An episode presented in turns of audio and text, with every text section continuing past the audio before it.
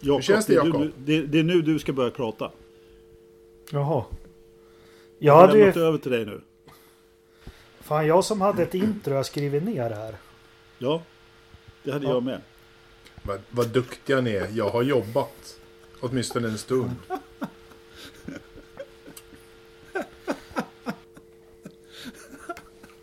Ja, jag har varit tagen på sängen. Men jag har ju för fan talat om det här för en vecka för dig att jag skulle köra ett intro. Gjorde du? Ja, men jag trodde du menade intro att så här, göra någon puff med musik och så. Eh, Jag hade Nej. tänkt mig så här. Ja, men du sa det bra.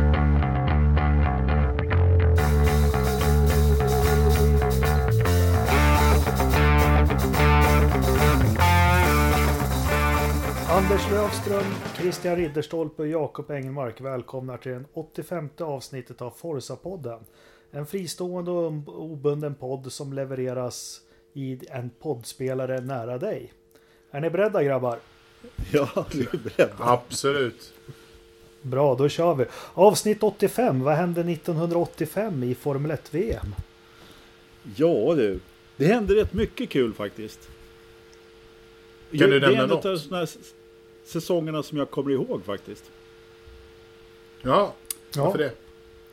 Ja, alltså Alain Prost vann VM, eller hur Jakob? Yes.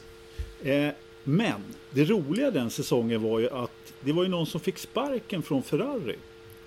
René Arnault. René Roadblock Arnault som var hans eh, sm- smeknamn. Och vem fick den sitsen, Ridderstolpe? Eh, det vet jag inte, men jag gissar på att det var din älskling. Nej, det var inte Sean Alesi. Det var Lill-Lövis. Ja, Och eh, han, han hade ju... Eh, ja, nu ska vi se. Vilket lopp var det nu? Det var på Imola i alla fall. Men vilket i ordningen det var, det kommer jag inte ihåg. Men han... Det var hans andra. Han debuterade i Portugal 1985 i ett regnrace. Just Som, eh, vem tog sin första seger i det loppet? det. kommer jag däremot inte ihåg. Ayrton Senna. Ja, och sen då? Okej. Just det. Ja. Nej, men sen, Sen i lopp där. nummer två så flyttar de över till Imola. Ja, precis. Exakt. Och, För eh, Lill-Lövis alltså, lopp nummer två. ja. Ja, li- precis. Lill-Lövis eh, lopp nummer två i Ferrari. Och eh, Senna ledde ju där också. Eh, tills det var två varv kvar när han fick soppatorsk. Lämnade över ledningen till vår vän Lill-Lövis. Som också fick soppatorsk fast ett halvt varv från mål. Eller någonting i den stilen. Ja, om du minns det här. Det var väl, ja, inte ett jättehändelserikt VM. Eh, Michel Alboreto, Lill-Lövis stallkamrat, ledde VM länge och låg bra till tills Ferrari klantade till det i vanlig ordning och han fick väl bryta en 6-7 lopp på raken med turboras minns jag eh, väldigt väl. Eh, annars noterbart från 85, Nigel Mansell tar sin första seger i Sydafrika. Nej, Brands Hatch är det tror jag. Och så upprepar han och tar seger i loppet efter och kickstartar sin 86-säsong. Keke Rosberg gör sin sista säsong och sitt sista lopp för Williams innan han går över till McLaren. Och likaså Nelson Piquet avslutar ett sjuårigt långt samarbete med Brabham för att gå över till Williams 86. Ja, vi hade också ett nytt stall på griden eh, 85. Kommer du ihåg dem? Eh, eh, Beatrice, Lola. Nej, Nej, det är inte de jag tänker på i alla fall. Utan jag tänkte på Haas. ja just ja men, det, jo, Jaha. men det är de jag tänker med Alan Jones. Ja, exakt. Precis. De hade... Eh, nu, nu snackar vi inte Gene Haas. Utan nu snackar vi Carl Haas. Yes. Som körde Formel 1. Jag tror de bara körde det året. De körde kanske några lopp. Kanske körde de nästa år också va? 86 också kanske. Hon körde 86 med en väldigt överviktig Ford-motor och en väldigt överviktig Alan Jones. Ja, just det. Precis, precis. Ja, det blev inte så där jättemånga poäng om det ens blev någon. eh, Men eh, jag tycker ändå det var rätt kul att eh, vi har haft ett Haas tidigare i Formel 1. ja. Och Lill-Lövis stackarn, han hade väl gjort med inhopp för Turell och så, men han hade ju skrivit på för eh, Skulle inte han köra i Ayrton Sennas? Eller han gjorde ju några lopp i Toleman 84 på slutet, då fick han hoppa in. Sen skulle han faktiskt köra för Toleman eh, 85, men de fick inga däck. Jag tänkte ju säga, var det Det något däckstrul där eller hur det var? Precis, jättekonstig historia. Ja, ja, så är det i alla fall. Eh, alla är varmt välkomna till avsnitt 85. Eh, glöm inte att följa oss på den nya Facebook-sidan som heter Forsa-podden också. Eh, så kommer ni ihåg det. Idag, jag kommer utlova en sak. Vi ska inte tala ett ljud om coronaviruset. För det tycker jag att man gör överallt i tidningar och i radio och i tv och på alla poddar. Och vi har väl ingenting att säga om och vi kan väl ingenting om det. Så det blir inget coronasnack här. Men likväl så ska vi ta oss an. Eh, det är racehelg nu. Det är stor racehelg. Det är premiärhelg. På riktigt. Mm. Ja. Ja, så men vi tänkte bli- att vi skulle... Vad ska det bli? Nej, men det ska bli härligt med lite, lite race eh, och lite lopp och Mm. någonting att kolla på.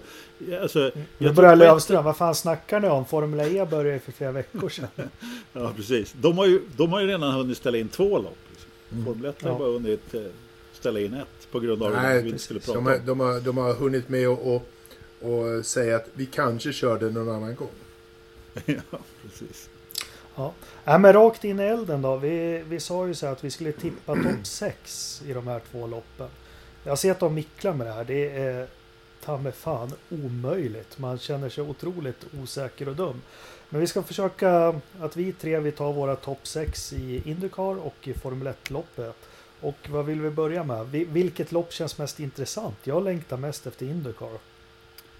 Ja, alltså förra året vid den här tiden så sa jag att då längtade jag mest efter Formel 1. Eftersom eh, alltså man visste inte riktigt vad man hade att vänta där i Indycar-premiären. Även om det var två svenskar som skulle köra sina första lopp och så vidare. Men nu måste jag säga att jag är nog banne mig med på det tåget. Jag är mer spänd på Indycar-premiären än jag är på F1 Diton faktiskt. Helt klart. Ridderstolpe, vad ser du fram emot? Nej, jag är lite taggad på båda två. För jag, jag tror faktiskt att det kan bli... Jag hoppas att det blir en... Eh, kanske inte en spännande eh, fight om segern i Formel 1 i år. Bara för den tror jag faktiskt att Lewis Hamilton bara seglar förbi och, och, och tar, plockar hem. Men jag tror att det kan finnas andra väldigt många intressanta saker som, som vi får lära oss under det här Formel 1-året som vi missade lite, som vi saknade lite förra året. Liksom jag, jag vill se mer, alltså mittfältsfighten kommer att bli inte bara 4, 5 och 6 utan den kommer bli även plats 3 kanske också blir riskerat. Så jag, tror att det kommer bli tajt och, och trevligt. Jag hoppas. Ja. Men vi eldar igång med topp 6, Indycar St. Pete. Okej då. Eh, vad tror ni om det? Ska vi börja med den? Kanske när man sitter och gör båda de här listorna själv. Alltså Indycar är ju, det är det som är så häftigt. Det är ju omöjligt att pricka in.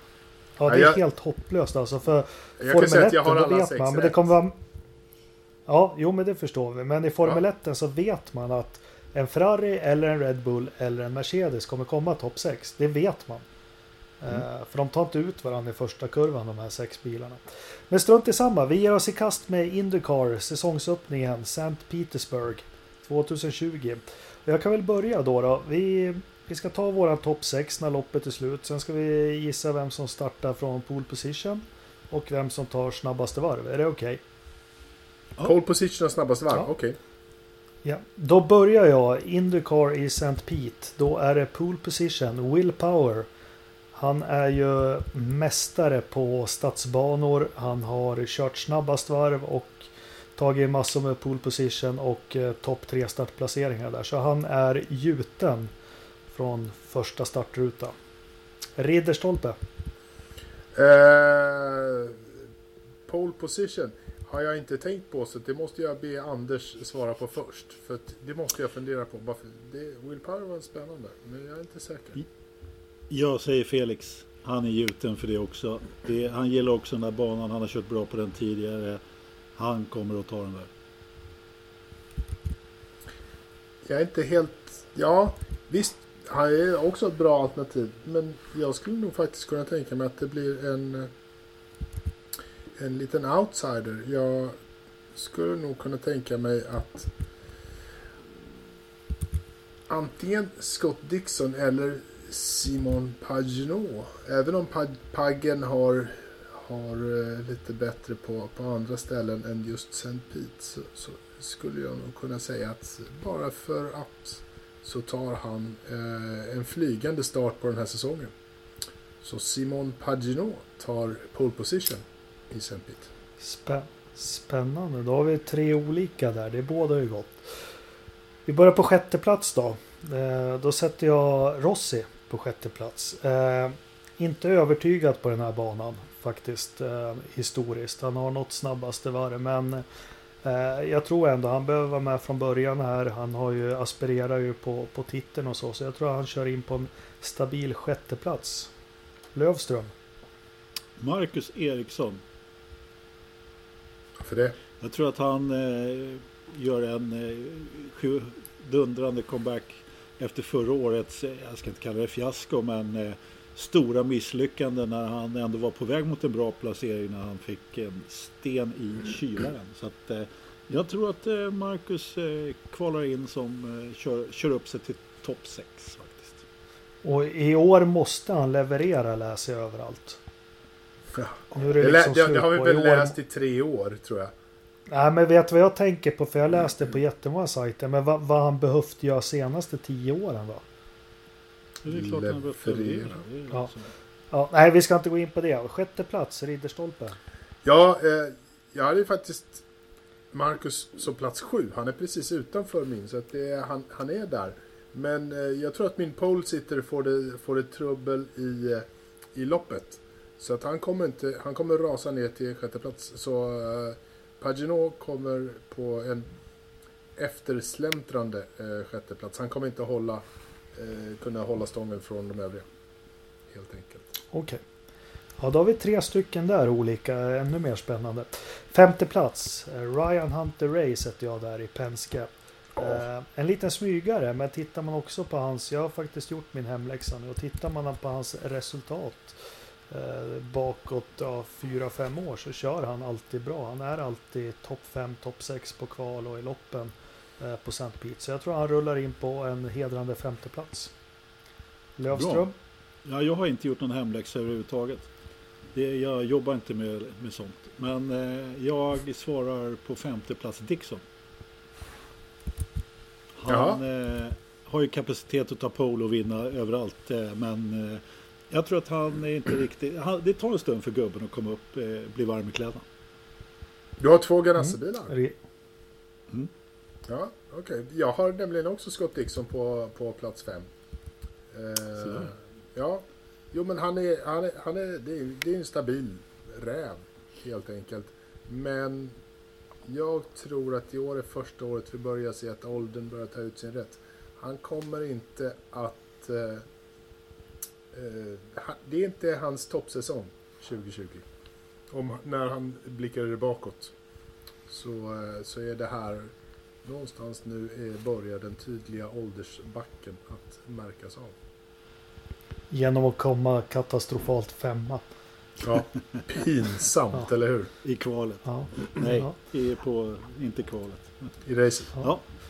Ja, vi sprider vidare på fjärde plats. Det här tar emot alltså. Jag försökte att tippa med hjärnan eh, och inte med hjärtat. Men jag har Felix. Han upprepar fjolåret med en fjärde plats. Eh, jag tror han kommer ha ett litet struligt lopp och köra sig upp till fjärde plats. Det är vad jag tror. Eh, så på fjärde plats Felix Rosenqvist i Ganassi.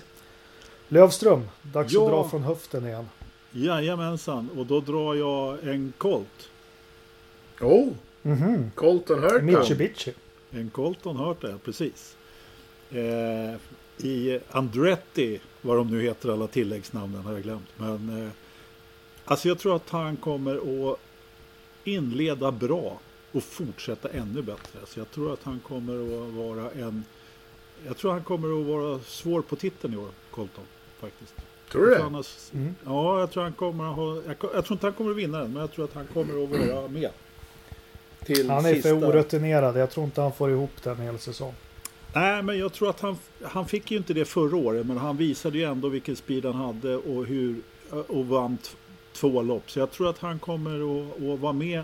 Han kommer vara en av de som kommer att kunna vinna titeln sista loppet eh, på Laguna, men jag tror inte han kommer att göra det. Du vet att Colton Hurton är med Indycar. Det är ju bara sidobusiness för honom. Du vet vad hans huvudsakliga grej är va? Ja, ja, han spelar i ett band. Ja, med farsan sin. De har ju turné här under säsongen också. Mm. Jag lyssnade lite på dem faktiskt. Det var inte riktigt min musiksmak, men Mm. Okej. Ja. Ridderstolpe. Fyra på din genomtänkta lista. Fjärdeplatsen på min är Felix Rosenqvist. Oh. Chip Ganassi. Han, eh, han har ett ganska gediget lopp. Inte struligt alls, sådär tror jag. Men han, eh, han kommer att ligga hack i häl. De sista tre, fyra, fem varven ligger han hack i häl eh, plats tre. Men lyckas inte komma om. Han är det, men det är en, en solid, stabil eh, fjärdeplats. Vad kvalar Felix på för plats då? Enligt dig? Han, eh, han kvalar. Eh, han kommer med i, i Final Fast 6 men där kommer han i bland de sämre. Så han kvalar inte Mm. mer än femma, sexa. Okej, ja. Spännande. Då har vi två stycken som har tippat lika på en plats. Och då går vi till min första pallplats, tredjeplatsen. Eh, och där sätter jag med tanke på det jag sa, Will Power. Han kommer trea. Will Power tar pole position. Han kommer leda i 40, 45, 50 varv. Eh, sen kommer han bli uppäten av de två som jag har tippat före. Men han kommer på ett frustrerande vis köra in på en tredje plats. Jaha ja. Jaha ja. Ja, jag tror faktiskt på Alexander Rossi på tredje plats. Eh, Jag tyckte ändå inte att han eh, levererade riktigt förra året. Men han har ju kapacitet ändå att ta vinster och pallplatser. Men han var lite seg förra året. Men jag tror han får till det nu. Så att jag tror han kommer Ja. på tre. Ja, Ros- men. Rossi kör An- Andretti i Honda, eller hur? Och Honda Yes. har väl haft... Var det inte de som hade lite, lite strul med bränsleförbrukning och sånt där förra året? Så att, får väl hoppas att de har... Det var väl mest ovaler va? Var det på valet det var mest... Eh, Ja, det var kännbart? valer. Ja. Mm. Ja, spännande. Jag har nämligen, precis som Jakob, Will Power, Penske, Chevrolet, plats tre. Eh, som du så, så, så insiktsfullt eh, kommenterade så, så kvalar han bra. Men han får ju sin, han får sin dipp någon, någonstans där i andra halvan av loppet och eh, eh, helt enkelt inte lyckas komma ikapp P1 och P2. Men han, Ja. eh, han är tillräckligt rutinerad nog och, och stabil och bra för att hålla Felix bakom sig de sista fem. Tror jag. Yes, bra. Andra platsen, den första som lurar upp Dixon eller kör om honom i den här jakten på segern. Det är Crocodile Dundee, Indiana Jones. Scott Dixon inleder säsongen med en stabil andra plats, varken mer, varken mindre. Eh, det är där han, han vill ju såklart vinna. Men en andra plats vet han, det är, är grunden för ett bra mästerskap. Så Scott Dixon åker in på en ganska, eh, inte ohotad, men odramatisk andra plats. Mhm. Jaha. Ja, min andra, min eh, andra pristagare är Felix Rosenqvist. Jag tror att han eh, inte riktigt når fram till eh, vinsten här men ändå gör en solitt lopp ifrån sin pool. Från sin pool. Och, än- och ändå är det så, så att han, han har ju suttit själv i den här podden och utlovat vinst och ingen av oss tror honom. Ing- Nej, vi vill inte jinxa. Nej, vi vill inte jinxa. Precis, Nej, men så, så kan det ju vara. Vem är Ja. din tvåa då? Min tvåa är ju faktiskt Alexander Rossi. Eh, han är en liten outsider eh, i, i år tror jag med, med Andretti som inte har visat eh, lika bra som, som Penske-bilarna under, under testerna och sånt där. De var ju verkligen, det, det var ju Penske eh, helt överlägsna nästan. Men eh, Andretti-bilarna har ändå varit bättre än Chip Ganassi-teamet. Eh, Men Rossi lullar in. Klar tvåa utan problem. Inget Mm. att säga om det. Spännande. Då kommer vi till den återvärda första platsen och eh, Ridderstolpe, du var inne och snuddade lite på det, men som sagt, jag har gjort hemläxan idag. Eh, och igår. Eh, Paggen vinner. Nähä! Vet ni varför? Ja, berätta.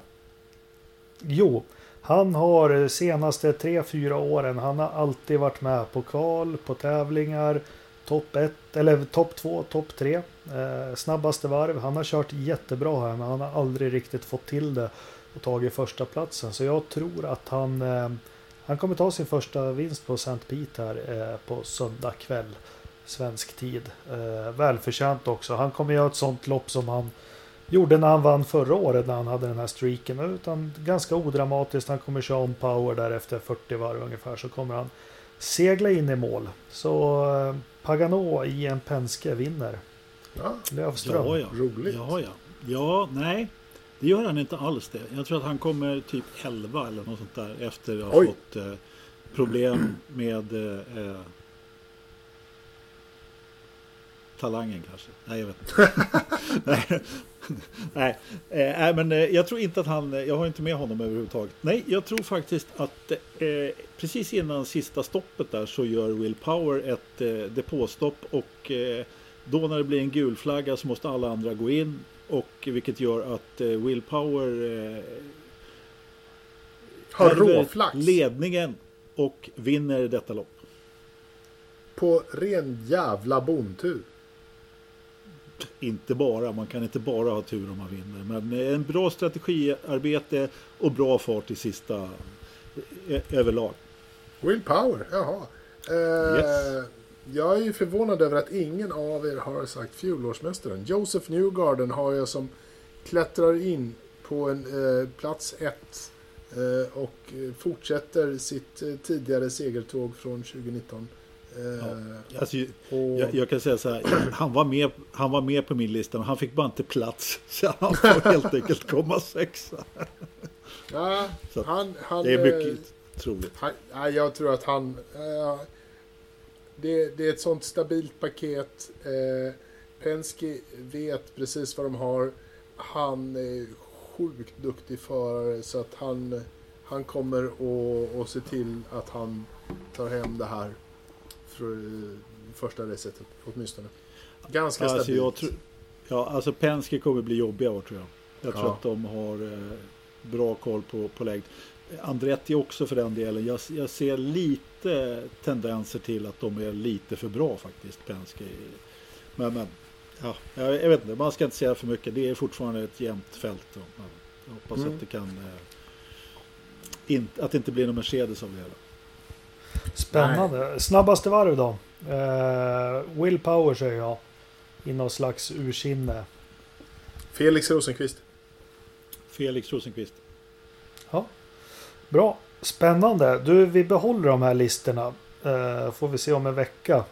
Eh, vi kanske ska ha någon slags ranking här. Eh, vem av oss som fick mest rätt. Men håller ni med mig? Det är fruktansvärt svårt. Alltså vi har ju, ingen av oss har ju tagit någon outsider. Som alltid kommer topp 6 i Indycar. Nej, det, vi har inte ett eh, så här, Santino Ferrucci. Eh, alltså Colton Hurta var väl en, en liten, den närmaste outsider. Men ändå gjorde han, han gjorde det stabil och bra. Men annars så har man ju mest väldigt rutinerade. Och Felix som vi liksom vet vad, vad han är Ja. kapabel till. Så, här, så att, Nej, men det finns Ja. ju ett, ett antal bra rookies som, som kan göra bra ifrån sig. Både Smith Peterson-bilarna. Eh, alltså Marco Andretti har varit, har varit i England på körskola. Eh, Han varit hos Rob Wilson eller? Ja, är det så han Ja, heter? ja, men då kommer det bli bra. Ja, men han, han är ju uppvuxen där, höll jag på att säga. Han har ju gått den förut och enligt, ja, Rock Wilson heter han kanske. Så, så var ju Ja. Marco Andretti var ju den största talangen han någonsin har haft i sin skola. Och, inklus, och då räknar han med Lewis Hamilton. Eh, Ja, fast han brukar ju säga att Kim är den största talangen. jaha. Eh, I vilket fall som helst, den, har- då har väl glömt bort den. Men då, det var väl eh, innan Marco hade varit där. Då, då. För sen när Marco hade varit där så var det Eh, så var han, eh, och han har ju aldrig levererat någonting och då, då fick han för sig att han ska väl ta och åka tillbaka till England och lära sig köra bil igen. Jag vet inte riktigt. Men eh, det betyder ju att Men det ni är hur, hur, mycket i psyket, Ja. eller i huvudet. Liksom.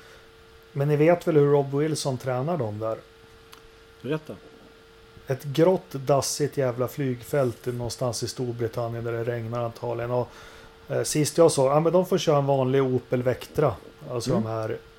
Han har ju faktiskt haft nästan alla i, i världseliten. Och han sitter, han vägrar ha en smartphone, Rob Wilson. Han har sin gamla Nokia, den här vad heter de, 6110 eller något sånt. Som han använder som tidtagare. Och så lär han, han dem fysik helt enkelt. Det är det det går ut på allting. Fysik, fysik, fysik. Mm. Centrifugalkrafter och, och sådana grejer. Och han har någon, någon bana med konor och sånt som, de, som han använder och tar tid på. Tydligen så är det ingen som har slagit honom. Alltså som har slagit Rob Wilson på det. Eh, Rob Wilson är för övrigt från Nya Zeeland va?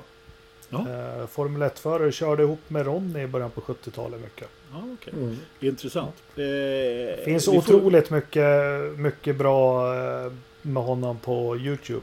Ja. Tycker han är fantastisk. Och eh, Peter Winsor i, i en av alla hans 200 olika format han har kört YouTube på hade Rob Wilson som gäst varje vecka. Och det var otroligt eh, lärorikt att få höra hur han resonerar kring de olika förarnas sätt att köra.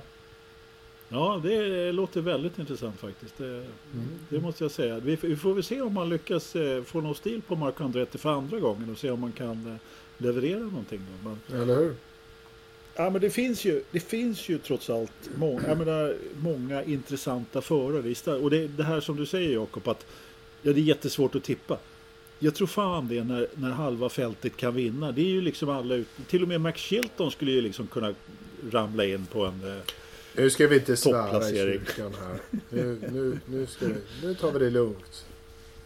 Nej men det, just det här att det finns ett gäng eh, nya förare också tycker jag är lite kul. Och sen, sen har vi ju en Ja. drös med förare som inte kommer att köra hela säsongen och så vidare. Nej men du har ju Bourdais, honom ska du väl aldrig räkna bort ändå. Nej, På Han börjar väl också- eh. blir lite gammal då men eh, han har ju fortfarande farten. Liksom.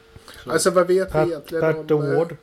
Vad, vad heter de här eh, McLaren-bilen? Hur, hur har det gått för dem under testerna? Vet vi någonting om, om hur den bilen verkar vara i år? Nej. Nej, det vet vi nog inte sådär jättemycket egentligen. eh, Men Alltså Oliver Askew, Ja, han är ju för det första så är han ju halvsvensk faktiskt. okej. Svensk mamma. Hans mamma är från, ja... Någonstans i södra Sverige någonstans. Mm, nej men vi har inte hört något från det som var lite klurigt med senaste testerna. Det var ju faktiskt att det var ju inte officiella tester. Därav ingen tidtagning eller något. Men jag har ingenting vad SMP hur de har kört. Nej, jag har inte heller riktigt koll på hur de står sig. Annat än att man får förmoda att de ändå är i haserna på de tre stora som de har som de har velat. Det är väldigt svårt att veta också med, med de här testerna för att, att se. Men eh, Mm. de har två spännande förare i alla fall. Det, det måste man säga. I eh, vet du, det, Pat Oliver- Award och eh, Oliver Askew. Oliver Askew. Mm. Ja. Ja, håller med. Spännande att se vad som de, lever. de killarna kan, eh, kan prestera i, liksom i en, i en, i en Indybil. Och liksom, jag hoppas att, att McLaren kan satsa ordentligt på, på Indycar så att det blir, blir någonting av det hela. Ja, men jag, jag tror de, det är nog lite ordning på det där. Eh, eh, jag tror de kan få lite ordning på det. det Vem är det som styr? med- alltså- är, är, det, är det Jill Ferrand som styr eh, Indycar-satsningen där borta? Eller är det Ja visst är det väl han som skulle göra det. Nej, det var det ju inte alls. Eh, För så? Ferrand har ju liksom en gedigen Indycar-erfarenhet. Liksom. Han har ju, han har ju snurrat runt det ganska länge så att han, han kan ju den cirkusen väl. Hur inblandad han är vet jag inte, men han var ju helt klart eh, en av dem som, eh, som va, var där och, och rådde i alla fall. Ja. Eller så Nej, var men han det som, som är gjorde, också gjorde med- sig. Ja. Nej, Med, med Indycar, det är ju inte lika trögt som Formel 1. Jag tror det är lättare att få till liksom en förändring, förbättring på kort tid. Ja. Så kan det vara. Så. Nej, det ska bli för jäkla kul. Du, en fråga som jag får på folk skriver privat till mig ibland och jag vet jag frågar er. Har vi någonting för de som inte har Viasat som vill streama det här? Eh, Det är lite svårt bara för det är egentligen bara NBC Sports Network som, som streamar det. Och jag, eh, jag tror att det krävs eh, saker som inte, inte funkar så bra. Eh, i, för, En VPN-tunnel då, eller? Ja, VPN-tunnlar och, och sådana Och frågan är om du inte behöver ha ett amerikanskt kreditkort för att köpa det och sådana saker. Så att, nej, Det är inte helt, Ja. helt trivialt att lösa det. Så att, eh. Ja. ja, nej jag tror Nej. att det, Viasat är nog, är nog det enklaste. Skulle jag säga. Ja, det är det enkla svaret på, på den frågan. Annars så får man ju... Det brukar ju dyk, dyka upp lobb i efterhand naturligtvis och, och sådär. Men... Nu är det någon som fingrar på något. Sluta med det. I vilket fall som helst så... så jag vet att det gick att köpa eh, NBC tidigare. Men i och med att vi har satt fick rättigheten, eller fick och fick, men köpte rättigheterna så... Så eh, blev det... Ja, jag tror att de har stängt, Svårare stängt möjligheterna helt och hållet i, för, för det i, i Norden. Helt enkelt. Just för att Viasat äger det. Ja, det var ju trist. Men Ja. eh, Ja men... Eh, Vad ska man säga liksom? Det, ja, men det är ju marknaden. Det är så det är. Precis. Det finns ju andra obskyra sätt som vi inte ska prata om här. Som man kan göra på om man är lite finurlig. Men, men eh, ja, så är det. Mm. Jag tänker så här och det här har vi pratat om flera stycken gånger. Men ska vi ge våra, våra lyssnare lite hjälp här. Alltså första träningen 13 mars 10.45 am. Och vad har vi för tider där då i St. Petersburg? Anders, du brukar vara vass på det. Och Nej, jag har tiderna, inte de koll på tiderna. tiderna. Mm. Nej, jag har Eh. inte kollat upp alla tider. Nu får du faktiskt Men- skärpa dig lite grann. Men då gör jag det lite fort då. Ja, det, visst, det, gör det. det, då. Det är ju på kvällen allting körs. Så att jag vet Jag för mig åtminstone att, att loppet börjar klockan åtta om jag inte är helt ute och cyklar. Eh, Någonstans där. Ja, jag lullade 20, in. Ja, men jag tänkte jag drog faktiskt in. Jag gick in på Indycar.com och där kan man ta och prenumerera på deras kalender och lä- lägga in den i sin egen Google-kalender Outlook-kalender eller vad man nu Så bra. önskar. Så jag Alltså, har... Men det är Florida, eller hur? Vad sa du? Ja, och det, Ja, Florida. ja, det är Florida. Ja. Och det är också så att det är... Eh, eh, de bytte ju till... Eh, eh, Sommartid. heter det? Sommartid va? Mm. Precis. Så det har blivit lite, eh, lite förändringar där. Eh, I Sverige så byter vi inte förrän den, någon helg efter där någonstans. Alltså Ja, det är- 19.40 börjar sändningen. Eh, från, 1940. Ja, från St. Petersburg. Ja, och, och, om jag inte är helt borta så jag för mig att det är grön flagg. Det brukar vara någonstans efter hel, om det är 17 över hel eller något sånt där. De brukar köra. De kör ju inte på exakta klockslag, men det brukar vara. De ska ju köra 43 pace car varv med eh, någon som Men- kör i 30 kilometer och sen så ska Mario Andretto köra tvåsitsaren och ja. Ni vet. I min kalender så står, som jag fick från, från Indycar, det står 20.30 till 23.00. Eh, Firestone Ja, då- Grand Prix of St. Petersburg.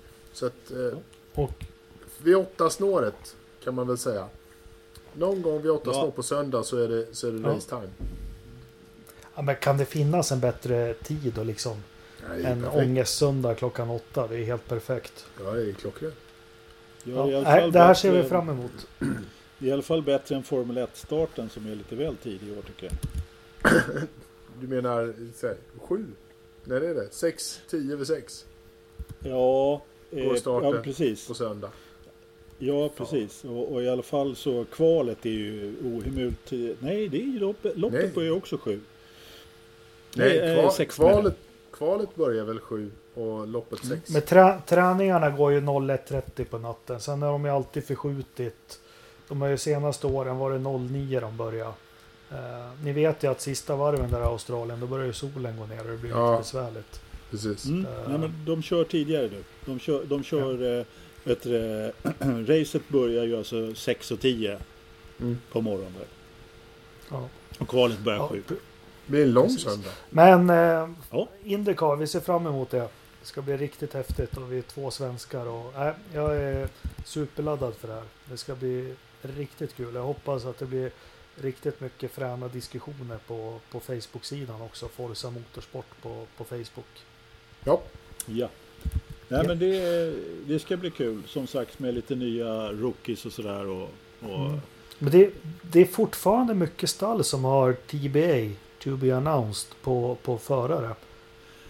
Ja, fast inte till eh, St. Petersburg utan eh, det finns väl någon, någon som bara är kontrakterad för första loppet då. Bland annat våra kompisar eh, i Har, Carl, har Carling fått in Ja. förare? De har, de har nog följt vad, vad, jag, vad jag har för mig. Vi ska väl, eh, jag, jag kan inte det där på mina fem fingrar nu bara så här rätt upp och ner. Men visst är det väl. eh, Eh, de har ju en förare som ska köra hela säsongen. Eh, hur var det sen då? Eh, hur var det sen då? Hur var det Men sen? alltså, Nej, sen är det två... Filipe Chilton Nasser kör ju bara Chilton kör ju bara road courses och sen så eh, Vem var det mer då? Vad fan, det kommer jag inte ihåg. Nej, men de har inga mer vet du. Jo då.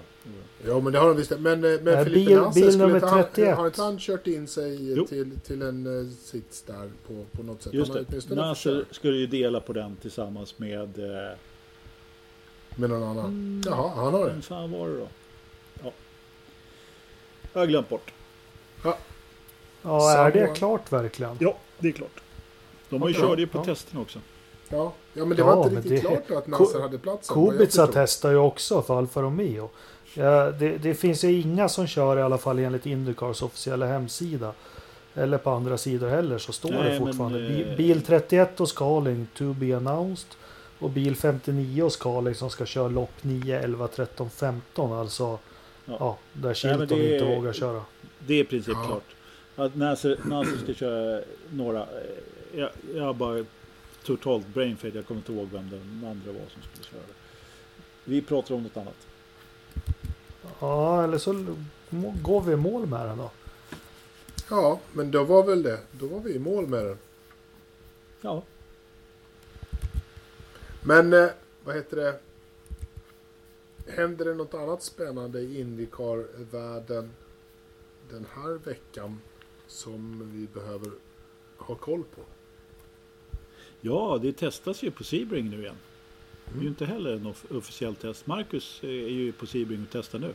Mm. Eh, nu, nu. När jag säger nu så menar jag imorgon på tisdag. Ja, det är inte idag måndag utan när vi spelar in det Nej. här utan det är imorgon tisdag som de kommer att köra lite där. Precis, exakt. Och problemet där är ju fortfarande att det är svårt att följa testerna. Det är inte som... Ja. Det, det, de, de visar inte som i Formel 1. Liksom. Den går inte på Nej. F1 TV direkt. Nej det gör inte det. Är lite tråkigt. Det är liksom, jag, jag gillar ju det här med officiella tester. Att man kan se och liksom få en liten känsla lite tidigt Mm. innan, innan Ja. säsongen. Annars är liksom Indycar ett litet svart hål. Liksom. Ja men det är det. Det är det. Mm. Ja, med tanke på att de gör, kör de här privattesterna så Mm. det är lite märkligt. Eller inte officiella. Och Marcus kör hårt på sin rödvita Husky-dräkt på, på Facebook. Han har, hade han öppnat en YouTube-kanal också? Jag tror jag såg någonting om det. Att han har, han har eh, eh, startat en egen YouTube-kanal för den här säsongen. Som man kan gå ja. in och eh, prenumerera på om man vill. kolla läget. Eh, det blir spännande. Ja, verkligen. Jakob, vad säger du? Ska vi eh, Ja, hoppa nej, jag över sitter och letar. Jag, jag hittar ingenstans att Carling ska ha gjort klart med någon. Inte ens på deras egen hemsida. Eh, Nej, Eh, men ska vi ta och åka söderut? ja, mot Sovjet. Mm. Eh, alldeles nej, riktigt, men det är- absolut. Väldigt söderut i allas kartböcker. Eh, ja, jag tyckte du sa österut. Du menar att vi ska ta oss till Formel 1? Ja. Kan vi börja med Formel 1? En sak som jag vill ta innan vi tar våran topp 6. Och det är det här med Fia och Ferrari och allting. Eh, jag har försökt läsa in. Jag kan inte riktigt förstå det här. Kan ni hjälpa mig att, förstå det? alltså Fia har fått in någonting att Ferrari eventuellt gör någonting fel. Och då Mm. har Ferrari blivit jättearga och sagt att vi ska stämma er. Vi gör inga fel. Men sen så har Fia hittat att det är någonting som kanske är fel, men vi kan inte säga om det är fel. Men i, i fortsättningsvis får ni göra så här och det har Ferrari gått med på. Varför går Ferrari med på att bestraffas för något som de inte har gjort fel? de bestraffas ju dem inte. själva. Nej, men de bestraffas ju inte. Och de vet att de har tänt på gränserna lite för hårt. Och de har sagt och gjort så mycket som de har kunnat göra utan att säga att vi har begått fel. Och Fia har fortfarande sam- inte haft tillräckligt på fötterna för att säga ni har gjort fel så här.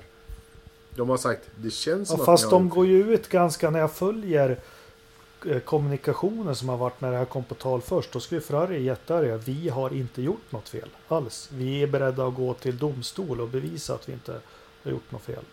Och, och själva allting, det blir lite nu när jag får tänka på det här en vecka. Det är, ja, men vi säger att FIS får in ett urinprov som de upptäcker att mm, här står det inte rätt till. Mm. Och så pratar man med skidlöparen och säger att du har dopat dig men ajabaja, vi säger ingenting till någon. Sluta dopa dig bara. Ja, de säger att så här, det ser ut som att du har dopat dig, men eh, vi kan inte säga exakt hur.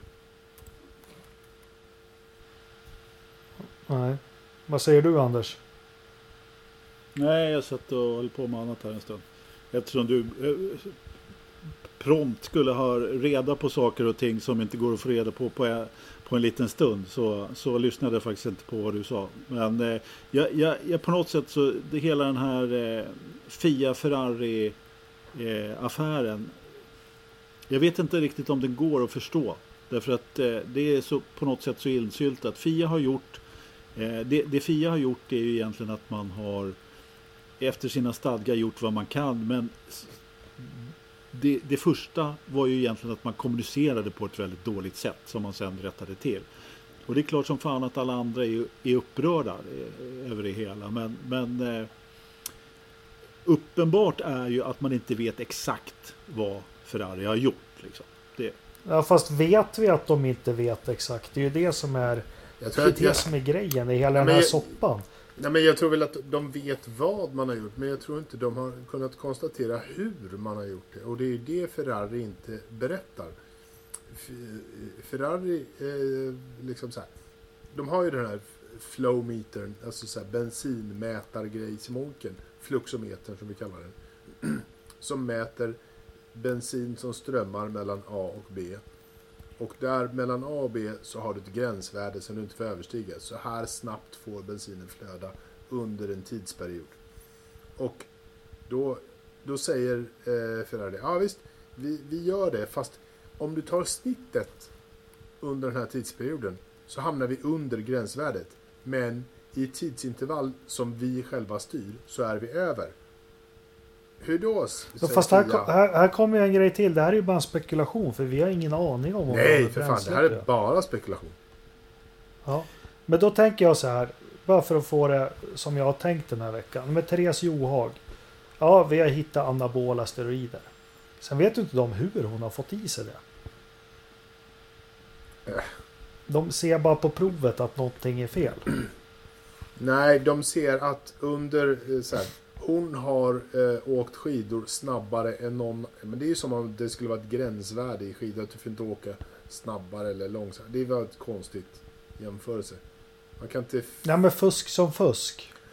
Ja, fast, fast i det här fallet så har man ju inte kunnat konstatera fusk. Hade man kunnat konstatera fusk, då hade man liksom utdömt böter. Eller eh, då hade, Ja. då hade det hänt någonting. Här, här är liksom, det här är inte svart eller vitt. Utan Ferrari har ju uppenbarligen hittat någonting som man inte liksom kan svart på vitt eh, påpeka att det här har de gjort fel. Precis. Men varför då är- kommunicerar man överhuvudtaget då? då? Ja, för att de eftersom- har, gjort, de har gjort någonting fel. Men de har inte, sett, de har inte kunnat svart på vitt kunna bekräfta eller konstatera exakt hur. Ja, men alltså Fia måste ju naturligtvis kommunicera det här. För de andra stallen undrar ju liksom, hur gick det med Jo, undersökningen? och det vart ju jättebra kommunicerat. Nej, det var Nej, men Så det var ju- styck. Det var ju det, det som det inte blev. Att det i första läget så Nej. blev det ju skitdåligt kommunicerat. Och det var ju det som var problemet egentligen. Eh, skulle jag säga. Nu har, ju, nu har man ju rättat till det där från Fia. Från Fia så att, ja, vi får se. Ja, ja, nej, det var väl ingen stor grej. Det var väl bara för mig. Vi går över på Formel 1 då. Melbourne, topp Melbourne, top 6. Burn, Är burn. ni beredda? Yes, Burn, Melbourne. Melbourne, Burn. Melbourne. Japp. Eh, japp. Då börjar vi pole position. Och då säger jag Lewis Hamilton i vanlig ordning. Jaha. Vad, vad spännande. Vad säger du Anders? Jag säger eh, Valtteri Bottas. Oh, det är nästan lika spännande det. Jag är också en otroligt spännande man. Lewis Hamilton. Det finns eh, ingen som har sån ordning på sakerna i Australien som Lewis. Så är det. Ja, i alla fall på kvalen. Ja, på kvalet. Ja, eh, ja men jag tror han tar sin åttonde eller nionde position i Melbourne eller vad det blir. Eh, sjätte plats. Eh, där helgarderar jag. Man får göra det i svensk stryktipsanda så kör jag ett reducerat system. Jaha, Så jag har satt som sexa och jag har försökt skaka om lite här nu. Då säger jag att sexa kommer Ricciardo, Sainz eller Perez. Nej, så får du Mm. inte göra. Det där går bort. Nej. Du, du får välja en. Eh, Ricciardo. Men det går inte. Jo, du måste välja en. Det är det som är tjusningen ja, då blir det då blir det Perez. Perez. Perez. Jaha. Mm. Jag har, jag ska säga nu, för nu börjar alla lyssnare direkt. Men herregud, två Red Bull, två Ferrari, två Mercedes. Nej, det finns ingen av dem där som kan komma sexa. Men jag räknar kallt med att minst en av topp tre stallens förare bryter. Ja, Du tror det? Mm. Ja, Okej. Ja, ja, ja, annars så blir det inget roligt, eh, höll jag på att säga. Annars blir det ju som det, som det.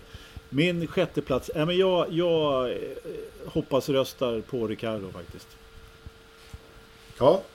Eh, jag tänker att eh, Sebastian Vettel når eh, en höjdpunkt i, i livet och blir sexa. mm.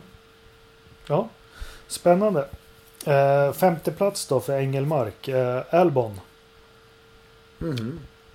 Ja, Ingen motivering, men han eh, hänger inte riktigt med dem framför Är, det, honom. är det för hans insats i Drive to Survive som, som du känner att han Ja, mycket, mycket det faktiskt. Ja. Eh, tycker hans mamma är en spännande människa. Men nej, nej men jag tror på jag tror Albon faktiskt. Och jag tror eh, han rår inte på sin stallkompis och han rår väl inte på Mersorna och Ferrari riktigt heller tror jag. Men eh, han, han, han får en femteplats i alla fall.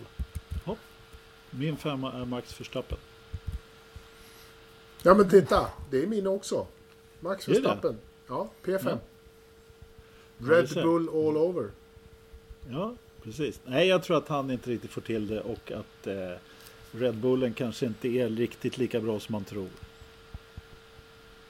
Jag tror att Red Bullen är så bra som man tror men eh, jag vet inte. Nej. Nej. Fem, femma kändes faktiskt eh, Ja. rätt. Vem är din fyra, Jakob? Charles Leclerc. Jaha, ja. Övertänd, har höga förväntningar på sig. Eh, kommer strula till det på ett eller annat sätt som gör att han bara kommer fyra. Mm. Ja, min fyra är eh, Sebastian Vettel. För det. Jag tror... Va? Varför det? Varför? Ja, vad Han baserar har du? inte tillräckligt mycket för att komma högre upp helt enkelt. Nej, han kom Jag sexa vet för mig. Så. Ja, precis. Jag kan inte motivera det mer än att Ferrari är fortfarande i tvåa på griden och Leclerc gör fortfarande ett bättre lopp än vad Vettel gör. Ja, det, det kan Ja. jag väl hålla med om. Charles Leclerc är fyra. Eh, min fyra. Han gör en heroisk insats i en pissdålig Ferrari som inte alls har, har koll på läget. Eh, så att han, eh, han gör inte en dålig insats utan han gör en fantastiskt bra insats. Och eh, tydligt visar att han är den första förare Ferrari har längtat efter. Är det en I coronasmittad Ferrari? Ja, ja. Men den är lite förkyld. Men det, det, det går över det också. Han får ta lite penicillin. Ja. Tredje plats. Nu har vi ju sett Drive to Survive och det vi har lärt oss, eller det jag har lärt mig mest av den serien, det är att det går inte att säga att han har vunnit fyra VM, han har ingenting att bevisa. I Formel 1 har du alltid något att bevisa, jämt, hela tiden. Och det är det Vettel kommer göra i år. Han kommer, han är tvungen, han måste bevisa sig att han hör hemma i toppskiktet. Och han kommer inleda med en tredje plats och slå sin teamkamrat. Unisont Jaha. så, så kör jag och Anders den videopoddande älsklingen att skaka på huvudet när Jakob drar sin plats tre. Vad spelar... Ja. vi får ju se. Vad säger du Anders? Ja, Mm. ja nej men eh, bara ett litet stickspår där är ju att eh, jag langar ju ut en, eh, eh, en omröstning där på Facebook-sidan om eh, vem som hade mest press på sig. Och det var ju eh, bland förarna då naturligtvis. Det finns ju en annan stallchef som också har press på sig. Och det var ju många som menar att Vettel har ganska stor press på sig. Mm. Eh, och sådär. Och, och ja, jag vet inte. Jag tror inte att han är den som känner sig mest pressad faktiskt. Eh, men jag tror ändå att Leclerc blir för svår för honom. Så att jag, jag har eh, Leclerc på pallen som tre. Ja. Vad roligt. Jag har eh, eh, redan kört de där två Ferrari-bilarna så de kommer inte bättre än P4 och P6. Eh, plats nummer tre eh, kommer 2019 års Ferrari. Sergio Perez eh, rullar eh, lätt in på en tredje plats och tar årets första pall. Vad sa du? Racing 2019 års Ferrari sa du? Du menar Mercedes? Ja, Den rosa 2019 Ferrari. års Ferrari, Mercedes. Den rosa Vi- Mercedes. vi- Ja. Ja, den rosa Mercan. Förlåt, jag ber så hemskt Ja, mycket om ursäkt. Rosa Mercedes eh, på plats tre med Sergio Perez. Självklart. Hopp, det var intressant. Ja, Det tror inte jag. nej, du, du gör ju inte Som det. sagt. Mm. Nej. Har du somnat Jakob? Nej. Andra plats, Engelmark. Historiens makt. Eh, Lewis Hamilton Jaha ja. kommer tvåa och han kommer göra det avstannande eller vad ska man säga. Mercedes hade problem med power units på testerna. Mm. Eh, Jag tror inte de har fått ordning helt på det. Jag tror inte de kommer kunna vrida ut Max. Jag tror inte de kommer våga göra det heller. Eh, Han gör, Jag skulle nästan som- våga säga att Mersorna, alla Mersor kan ha problem här och kanske tvingas bryta. Men han, han kommer segla in på en, eh, på en andra plats med klart distanserad av vinnaren och med en ganska klar marginal till trean Vettel. Ja. Nej men eh, du tror alltså att han gör en lillövis där och, och motorn slår av så han rullar över linjen som tvåa ungefär. Ja, ungefär. Och, eh, och han kommer vara nöjd med det. Han, Ja. han vinner ju inte så ofta i, i Australien faktiskt heller. Så det, ja. Nej. Han står inte som vinnare på, på min eh, lista heller faktiskt. Jag har eh, honom som två. Men vem står som... Ja, som, du har också honom som tvåa. Japp. Och ja, motivering lyder Ja. Han är inte bättre Still we så. rise. Still precis. right. Nej, men jag har ingen annan motivering än att han som vinner gör det. Eh, eh, kommer att ta starten och eh, eh, köra lite fortare. Ja. Helt enkelt, det går inte att köra om där i så två olika bilar ändå. Så, att, eh, eh så, så, så, så, så, så, så, enkel är den motiveringen. Ridderstolpe. Ridderstolpe. Ja, nej, men det är ju det är så här, Valtteri, han, han vinner aldrig. Eh, så han vinner inte det här heller.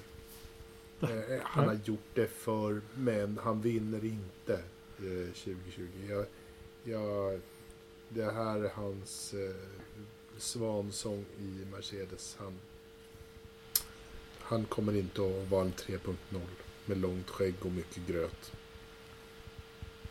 Nej. Nej, Så är det. Nej. Så är det. ja. Vem Då har vi då? första platsen då. Nej, men här försöker jag skaka lite i, i tombolan. Men eh, motiveringen är så här. De avslutade faktiskt som, jag skulle våga säga fältets snabbaste bil sista loppen förra året.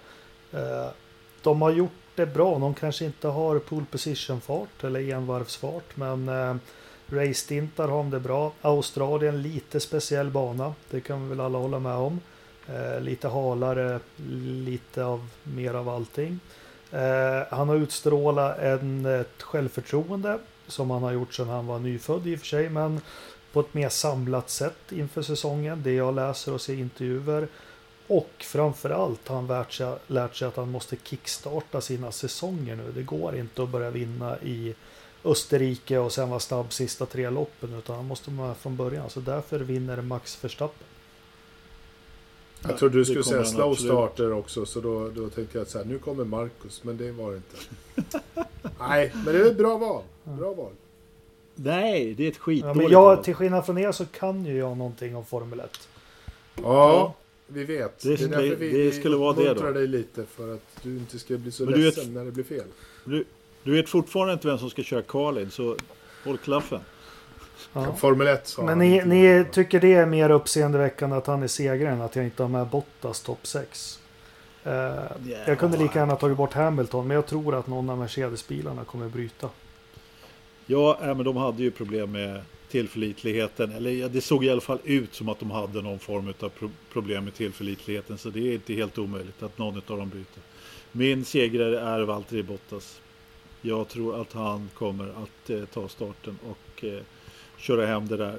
Eftersom både Lewis är som vanligt lite trött i början på säsongen. Inte riktigt på tårna och jag tror inte att Red Bull har fått till bilen så pass bra så att Max har möjlighet att vinna faktiskt.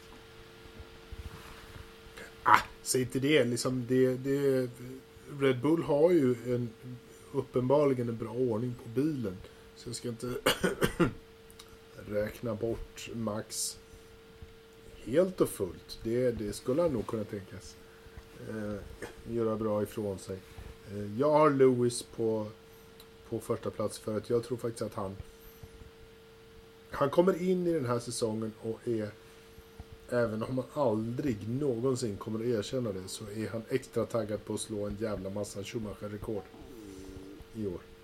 Så att han, han kommer att ta en massa eh, pallplatser och, och vinster och grejer för att eh, så snabbt som möjligt beta av de här tiotalet eh, platser han är från Schumachers eh, vinster. Så att det är det som driver honom 2020 att eh, slå, slå massa rekord. Och vinna.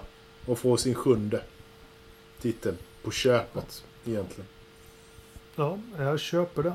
Snabbaste varv har jag även satt Verstappen. Han kommer fråga över radion när det är två varv kvar om hur det ser ut och bla bla bla. Så kommer han sätta ett snabbaste varv också. Nej, George Russell sätter snabbaste varv. Han går in när det är fem varv kvar för han har fått punka och sätter på mjuka och sätter snabbaste varv. Nej, men Alex Albon kommer att eh, göra ett eh, spännande snabbt varv. Bara för jag tror faktiskt att han är rätt bra på, på, ett, på ett snabbt varv i, i slutet av racet. Jag tror att han håller, håller en hög nivå då. Ja, nej men det, det var ju absolut inte lika roligt att tippa Formel 1-resultaten. Eller på något vis. Man, man känner att ja, man hade inte lika många namn att laborera med som Indycar. Nej, nej, långt ifrån naturligtvis. Det, det blir ju en mycket kortare lista. Det är ju frågan om vem utav i topp 6 som ska bryta så att man får in någon, någon från de andra stallen i stort sett.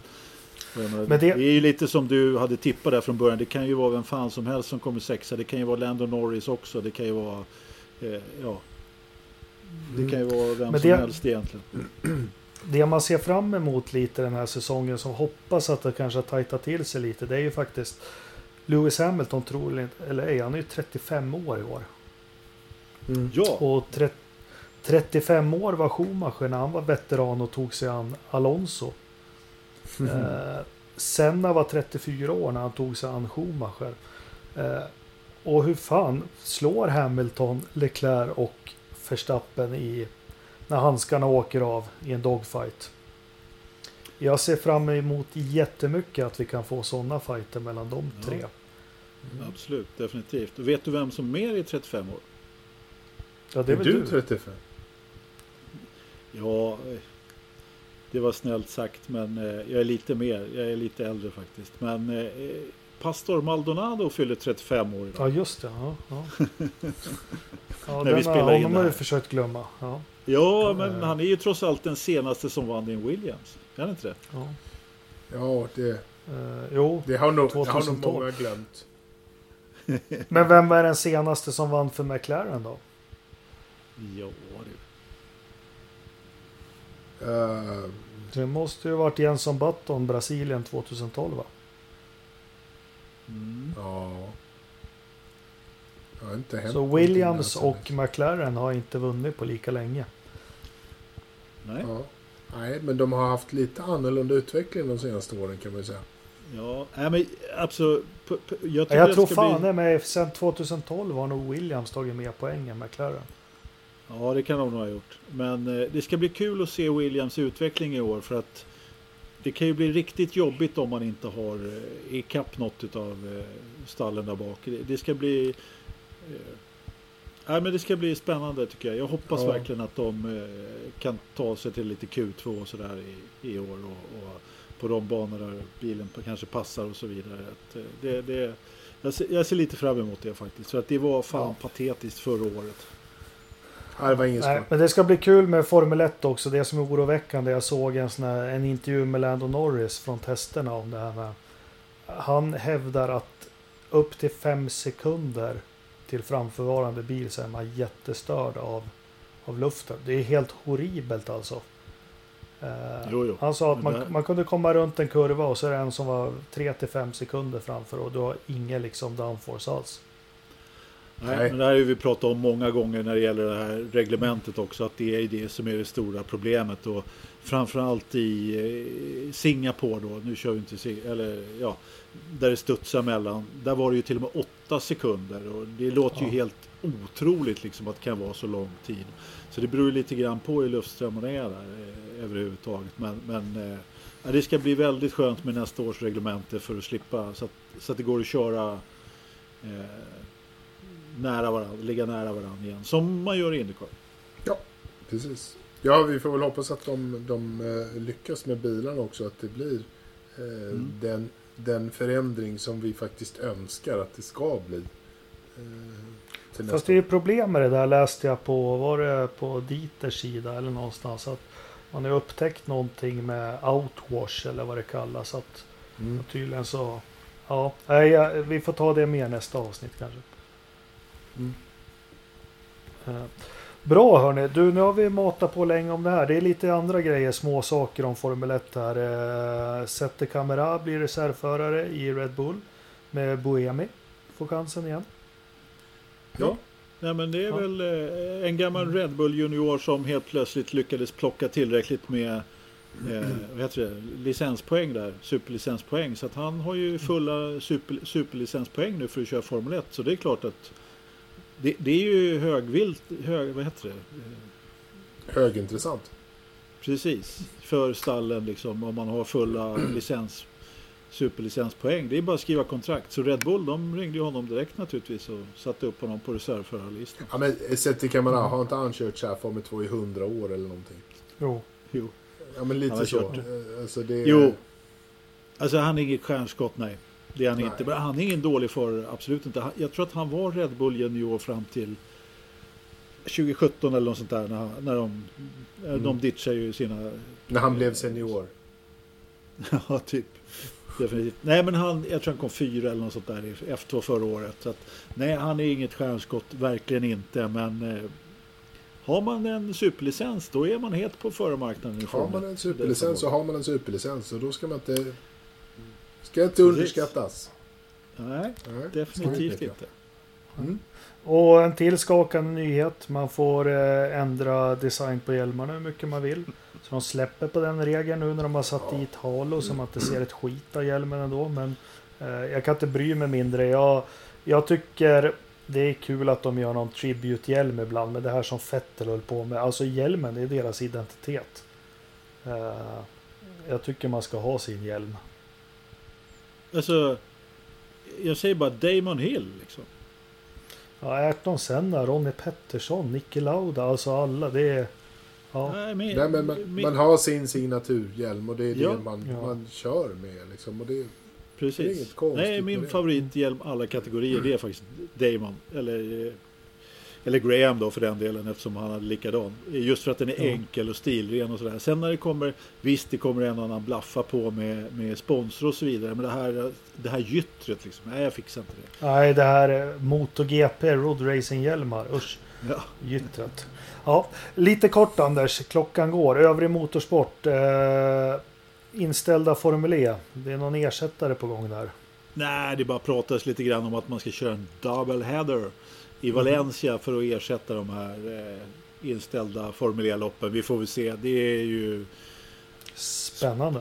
Ja, det är spekulationer som allting annat. Vi får, vi får se vad som händer med det här eh, corona-tjafset, höll jag på att säga. eh, Över, överlag liksom. Och, och hur mycket som blir inställt och var man kan köra och när det börjar bli normalt igen, läge och så vidare. Det, det, Jag det, det är tycker inte så mycket bensinen har gått ner jättemycket idag så de kan... Ja. Ja. Har råd att köra hela vägen till Västerås. Precis. Det berör ju inte Rasmus- Formel E dock. Nej. Rasmus Lind, klar för Indy Light. Kul. Ja, men det är Kul att någon väljer den vägen. Ja, men Mm. det är ju några stycken där som kör i USA nu faktiskt. Det är jättekul. Vi har ju Mattias Anderssons, eh, STCC, Mattias Anderssons son som ska köra F4 i USA också. Eh, han, han, de kör ju inte eh, samtidigt som Indycar men, nej, men det är några som åker den vägen. Det ska bli kul. Mattias som för övrigt ska kommentera Indycar i eh, Viasat Motor denna säsong, hörde jag i en annan podd. Mhm. Ja, roligt. Var, ja, det blir, det blir bra det. Frågor till podden. Är ni beredda? Oj, ja. Kör. Olof Laneryd inleder som vanligt, vår första frågare.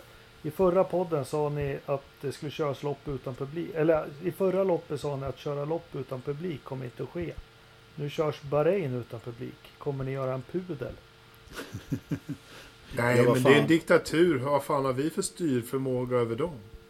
Ja, och dessutom det, de har ju ändå ingen betalande publik. Så att jag menar, Mm. De får väl betala tillbaka de tio biljetterna som de har sålt då. Ja. men det Nej, är en- ingen pudel. Nej, det är, men det är en av de här vet du, tävlingarna där det knappt säljs några biljetter överhuvudtaget. Så att det är, är det någon som ska köra utan publik så är det de. Laneryd undrar vidare hur återväxten i F1 ser ut för våra nordiska länder. Har finnarna någon på väg upp? Har Norge någonsin haft en Formel 1-förare? Nej, det har inte Norge haft. Finnarna har väl Robin Räikkönen på gång? Ja. Ja, precis. Han kör lite gokart nu. Nej, alltså finnarna, finländarna hade ju åtminstone två namn tidigare som körde GP3 F3. Eh, Niko Kari och eh, ja, vad hette den andra nu då? Dahlman. Eh, nej, Ja, jag, jag glömt. tappade hans namn. Ingen utav dem har ju övertygat. Alltså Nico Kari har ju varit jäkligt snabb i vissa lägen. De fick, fick, har ju fått chansen att köra något F2-lopp också. Jag vet inte riktigt status där men eh, eh, det känns inte som att de har någon ny eh, Bottas på gång i alla fall. Nej. Det vill, och då menar jag inte Bottas kvalitet utan då menar jag som går i hans fotspår med den eh, spons och den eh, backningen som Bottas kom in i F1 med. Men, eh, vi, vi får väl se. Eh, några danska finns det ju på, på listan också och eh, som är på väg upp eh, och, och har eh, i lite lägre klass. Eh, Det finns ju en norsk kille också som jag har tappat namnet på. Eh, Precis, som, precis. som verkar, eh, verkar ganska lovande. Så att det är väl liksom... mycket lovande. de, de svenska förarna verkar satsa mer på USA. Det är där det snackas mer med Rasmus och, och kompani. Mm. De, de verkar vara, ha kommit längst, kanske vi kan Mm. säga, av, av det svenska up and coming. Men eh, sen är det nog Danmark och Norge eh, Mm. som man, åtminstone från nordiskt håll, får, får sätta sina slantar på och, och förhoppningar till. Ja. I, har innan vi eh, får vänta på Robin då, liksom Robin Räikkönen, han verkar ju vara en riktig Ja, talang där. Sen har vi ju, vad heter hon, Jojo. Ja, 13-14-årig japanska som ska köra danska F4 i år. Det ska bli intressant. Juju Noda. Ja, faktiskt. Det, är- ja, det, det, otroligt. Alltså, jag skulle vilja veta hur man kan följa det lite närmare. Liksom Ja. danska Formel 4, det är, det är ju riktigt nära och, och, och hon är ju en riktig stjärnskott. På riktigt Ja. alltså ett stjärnskott. En talang. Ja, det ska bli kul. Hoppas det håller i sig. Det ska bli Ja. kul att se om hon kan eh, ta sig vidare upp bland klasserna. Ja, det här är väl första, första eh, lackmustestet för hennes skull. Liksom åka utomlands, leva, bo utomlands och, Mm. och racea. Eh, sådär. Så att det, Får, det är ett stort test för henne. får stackaren åka till Danmark. Liksom. Ja, Hallå. ja men det, det är ett ganska litet land liksom, och det är nästan en ö. Så Det är ju nästan som hemma. Ja. Ja. Jaha, den kloka Leksandssupporten Jari Mainio frågar hur hade en Mika Häkkinen comeback artat sig under säsongen 2005? Ja. Eh, Den kan jag svara på. Ja. Mika Häkkinen som körde sitt sista lopp 2001. Han vart ju lite rädd och skraj då. Han var på gång in i Formel 1 2005. Långt gångna förhandlingar med Williams BMW var det faktiskt då. Och även lite med Bar. Bar Honda. Eh, med facit i hand, det hade man ju inte då inför 2005. Så skulle det nog sluta till katastrof. För Williams BMW gjorde ju sin sämsta bil tillsammans i det samarbetet sista året. 2005. Den mäktade endast med två pallplaceringar för mig. Det var väl Nick Heidfeld och Mark Webber som kom två och tre i Monaco. Eh, nej, den var verkligen neråt. Och Bar Honda var väl inte jättebra. De hade ju sina år 2004 och 2006. Under 2005 passade de på att vara avstängda i, två lopp för fusk också. Eh, så det hade inte artat sig bra och den som undrar ännu mer det var faktiskt inför säsongen 2007 så fungerade, funderade Ron Dennis in i det längsta på vem skulle köra bredvid Fernando Alonso. Och då fick faktiskt Mika Häkkinen testköra. Eh, det var på gång redan då. Eller var på gång då faktiskt. Men då var han väldigt, väldigt långsamt. Jag tror inte han kom ens i närheten två sekunder mot Hamilton och Alonso och de andra som fick köra. Så jag tror inte Mika. Han har nog bränt sitt krut när han la av. Jag tror han har sagt det efteråt själv också att det var nog lika bra att han, alltså det var inte, det, han, det lät ungefär som att det var hans beslut att han, eh, nej, det, det, det var nog lika Jo, bra det var att det inte blev något. Det var ju hans beslut. Han tog ju sabbatsår egentligen 2002. Eh, Det som hände, han var väl tömd mentalt. Sen hade han några olyckliga krascher. Ni kommer väl ihåg att McLaren-bilen var jäkligt ömtålig där ett tag när Adrian Newey designade den. Så han hade några vådliga krascher. Dels tror jag var det i Australien och på tester också. Så han vart ju lite rädd. Han tyckte inte det var riktigt värt det. Nej. Och är det någon man kan verkligen unna för att ha de känslorna så är väl Mika Häcken efter det han var med om i Australien för 25 år sedan. Japp. Mm, japp. Så var det med det. Eh, Mikael Wester, vad är det med den nya Facebook-sidan? Eh, det är väl ingenting förutom att vi håller på och eh, pratar om och försöker kanske göra Forsa-podden 2.0 kan man väl säga. Mm. Eh, och då krävs det lite insatser i form av marknadsföring och så vidare. Så därav den nya sidan. Diskussionerna håller vi kvar på Forza Motorsport. Facebook-sidan och poddsidan är väl mer ett skyltfönster för podden, eller? Ja, precis. Det är Ja. vissa saker som inte går att göra från en grupp som man, som man behöver ha en sida för att göra. Så det är därför så startar vi en, Mm. en sida. Så det, det, har, det är inga konstigheter egentligen. Så Jesper Nilsson, när vi ska fråga podden så gör vi det på Forza Motorsportsida och inte på Forza-podden. Mikael Georg George Nilsson var flashfull i det senaste blogginlägg. Tror det var för Automotor och Sport han skriver. Eller kan han sia in i framtiden? Och då har han fått ett kanon snabbt svar från Joakim Dyreland. Som då jobbar på den publikationen. Eh, han var nykter. Det var inte många korrekturfel vid inlämning till oss på redaktionen. Nej, jag tror inte heller han var full, men jag tyckte det var ett otroligt märkligt eh, inlägg i debatten om Marcus och Felix. Och jag känner väl ibland att Janne har väl inte sågat Marcus, men kanske inte varit heja på honom sådär jättemycket. Eh, till att nu gå och tro att säger att han vinner hela mästerskapet. På grund Ja, av det- att han har tränat hårt. Var, var det inte Nej, det var så- jättekonstigt skrivet, det tror jag alla kan hålla med om. Ja, det var väl lite, men det var väl lite så här en hyllningsartikel till sig själv också. Lite Ja, i, i ja. allmän, allmän Jag och Kenny har ju pratat i... eh, Ja, precis. Jag, jag, jag var så jävla duktig så jag tog fram den här killen och fy satan vad bra han är. Oj vad jag kan. Ja, tack Janne. Ja. Fint, bra gjort. Jag, jag, schysst. Stanna och hälja på Karlstad. Färg. Vad säger du Anders?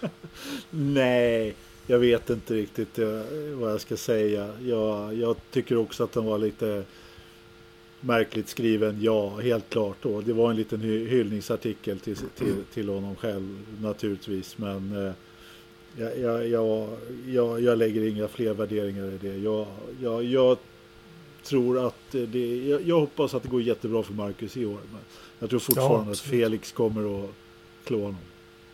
Ja, Ja. men alltså, det är ju inte, är inte så att vi ja. missun, missunnar Marcus någonting. Det här är Inte en alls. artikel som en uppenbarligen stav, rättstavningskunnig eh, Janne Flash Nilsson har kunnat lämna in till en, en alldeles utmärkt publikation. Men eh, den var väldigt, väldigt märklig. Ja, den var märklig. Jag håller med. Och det har jag ju sett i olika forum att det är fler än vi som tyckte den var märklig. Eh, eh, ja, ja, vi lämnar det. Anders Blomqvist, har det varit bra lopp i Melbourne? Ja, det har det faktiskt. Har det? Sådär.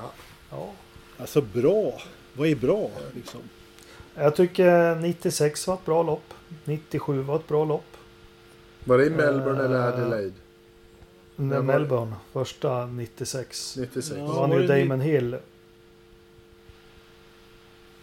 Okej. Ja, eh, vänta lite 90, nu. 97 så tog ju Jacques Villeneuve pole position, men jag tror det var 1,7 sekunder. Men Eddie Irvine tog ut den i första kurvan varvid Frentzen går fram och ska vinna sitt första lopp men bromsarna exploderar några varv från mål och till slut så blir det David Coulthard som tar McLarens första seger på fyra år. Eh, det kommer jag ihåg från 97. Mm. Eh, sen så tyckte jag det var ett bra lopp. Jag tror det var 2009. Första året med slicks. Där, där det hände mycket konstigt sista tio varven där. Kubica och, och eh, Vettel kör ihop. Och, nej, det hände mycket där. Min Men bild är att det, det, inte- de, är lite, de är lite sådär eh, i, i, i Melbourne. Liksom. Men eh, Ja, alltså man ska inte förvänta sig någon omkörningsfest direkt. Men det är ju ändå på något sätt så är det ju premiären. Man vill se bilar köra och det, Ja. det kan ju hända en del trots allt. Men nej, det är långt ifrån en favoritbana för min del faktiskt. Ja, Det är en Nej, favoritbana nej, för mig, nej, för det är, det- för, för, det är ju första loppet på året, så därför är det en favoritbana, för då är vi Ja. igång. Ja, På så sätt Precis. är det, är Ja. kanon. Next. Bra. Next, sen var det inget mer. Men innan vi Ja. går in på väder och förstappen så, så vill jag faktiskt en liten specialhyllning eller något. Eh, Roger Hemberg. Han är på plats och lägger dagligen ut filmer och kort på banan. Eh, Mm. Där han skriver vilken kurva det är och hur det ser ut och allting. Tack Roger! Skithäftigt. Det Ja. uppskattas verkligen. Guld. Verkligen. ja verkligen Mm. kul att se. Det måste jag säga. Eh, Så ja, återigen tack Roger och hoppas du rapporterar lite direkt från loppet och så. Eh, Dina upplevelser och hur, stämningen är och allting. Vad bra, då går vi över på veckans förstappen och då får Ridderstolpe börja. Mm. Jag tycker att Indycar kan få en liten känga för att inte kunna vara mer tillgängliga när det gäller tester och så här försäsongen. Eh, Där Fan, du tog jag... min nu. Ja. Ja, tack. Det, men det är liksom så här, man, man skulle faktiskt kunna ta och, och för en gång skulle lära sig någonting av Formel 1. Det är faktiskt inte helt fel att ha det här samlat och, och lite mer organiserat än vad det verkar vara eh, over there eh, så här 2020. Eh, det är lite för mycket eh, Little League över det hela. Om de ska växa upp och, och lira med de stora grabbarna så får de se till att organisera sig. Bra. Mm. Lövström. Ja, jag ger mitt eh, coronavirus till eh, Bahrains GP som inte kan, eh, som är så rädda att de inte släpper in lite publik. Jag tycker det var ett fånigt beslut faktiskt. Så att jag, min förstappen är Bahrain. Mm. Eh, ja men då tar jag Max Chilton. Förlåt. Vi måste alltid-. Jag hade en längre, jag har gått och retat upp mig på en sak. Jag skulle vilja säga Expressen, men den, den blir för långsökt. Men, Ja. eh, nej, jag tar Janne Flash krönika. Det blir, det blir veckans förstappen. Janne Ja. Flash eh, krönika. Hörni, vädret. Eh, Pastis låter meddela att eh, idag så sprängde vi snödjupsgränsen på en meter. Jaha ja. Eh, så de har Uppåt gott eller om neråt? snö där uppe. Jaha, var väl sent på året att få över en meter. Alltså, Ja, sent på säsongen kanske man säger. ja. Ja, då har ju liksom snötäcket har ju hunnit tryckas ihop lite grann också. Så att, eh, oh. Det behöver ju snöa på lite grann. Men du vet, det, det, alltså när jag åkte därifrån förra helgen, då var det, det snöa som fan. Det bara vräkte ner. Så att jag förstår att de har fått lite till. Det var 95 där jag var i snödjup. Så att, eh, jag förstår om de har fått lite till. Det är upp till, upp till knäna på dig.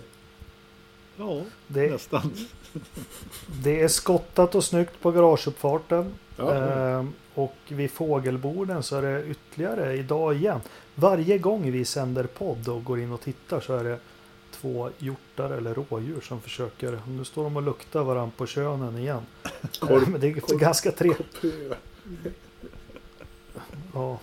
Eh, det är jättekonstigt. Eh, men de står vid fågelboden där. Ja. Eh, 1003 hästkrafter. Ligger normalt. Det är minus 1,8 eh, grader. Mm. Eh, vindavkylningen ser bra ut. Dagpunkten är stabil. Eh, 90% fuktighet ute och han ligger på fem, eh, 90% ute och 19 inne. Ja. ja. Så han har fått ja. ner fuktigheten inne. Ja, det är stabilt där nu så det sen jag var uppe och kalibrerade. Ja, ja, du, ja det var det du gjorde. Ja. Precis. Mm. Eh, temp tempen i datorförrådet då? Vad tror vi? Nej, men nu är det så nu, nu, nu, har ju, nu är det inte så kallt ute så den har gått upp 22,1. Nej, det är mer än så. 22,8. Ja, ja, Anders hade rätt. Du satt den första gången någonsin. Nej, Grattis nej. Anders. Skämtar du? 22,1. är jättebra. Jag tror jag har inte ens tjuvkikat. ja. Vad bra. Härligt. Då kan vi lägga ner podden nu. Hörrni, lyssnare hoppas vi har eh, förgyllt er tillvaro i en och en halv timme ungefär. Och eh, vi får se hur våra tips eh, slår in. Anders Lövström, Christian Ridderstolpe och Jakob Engelmark tackar för den här veckan. Och på återhörande om en vecka igen. Hej då! Mm. Hej då! Den sista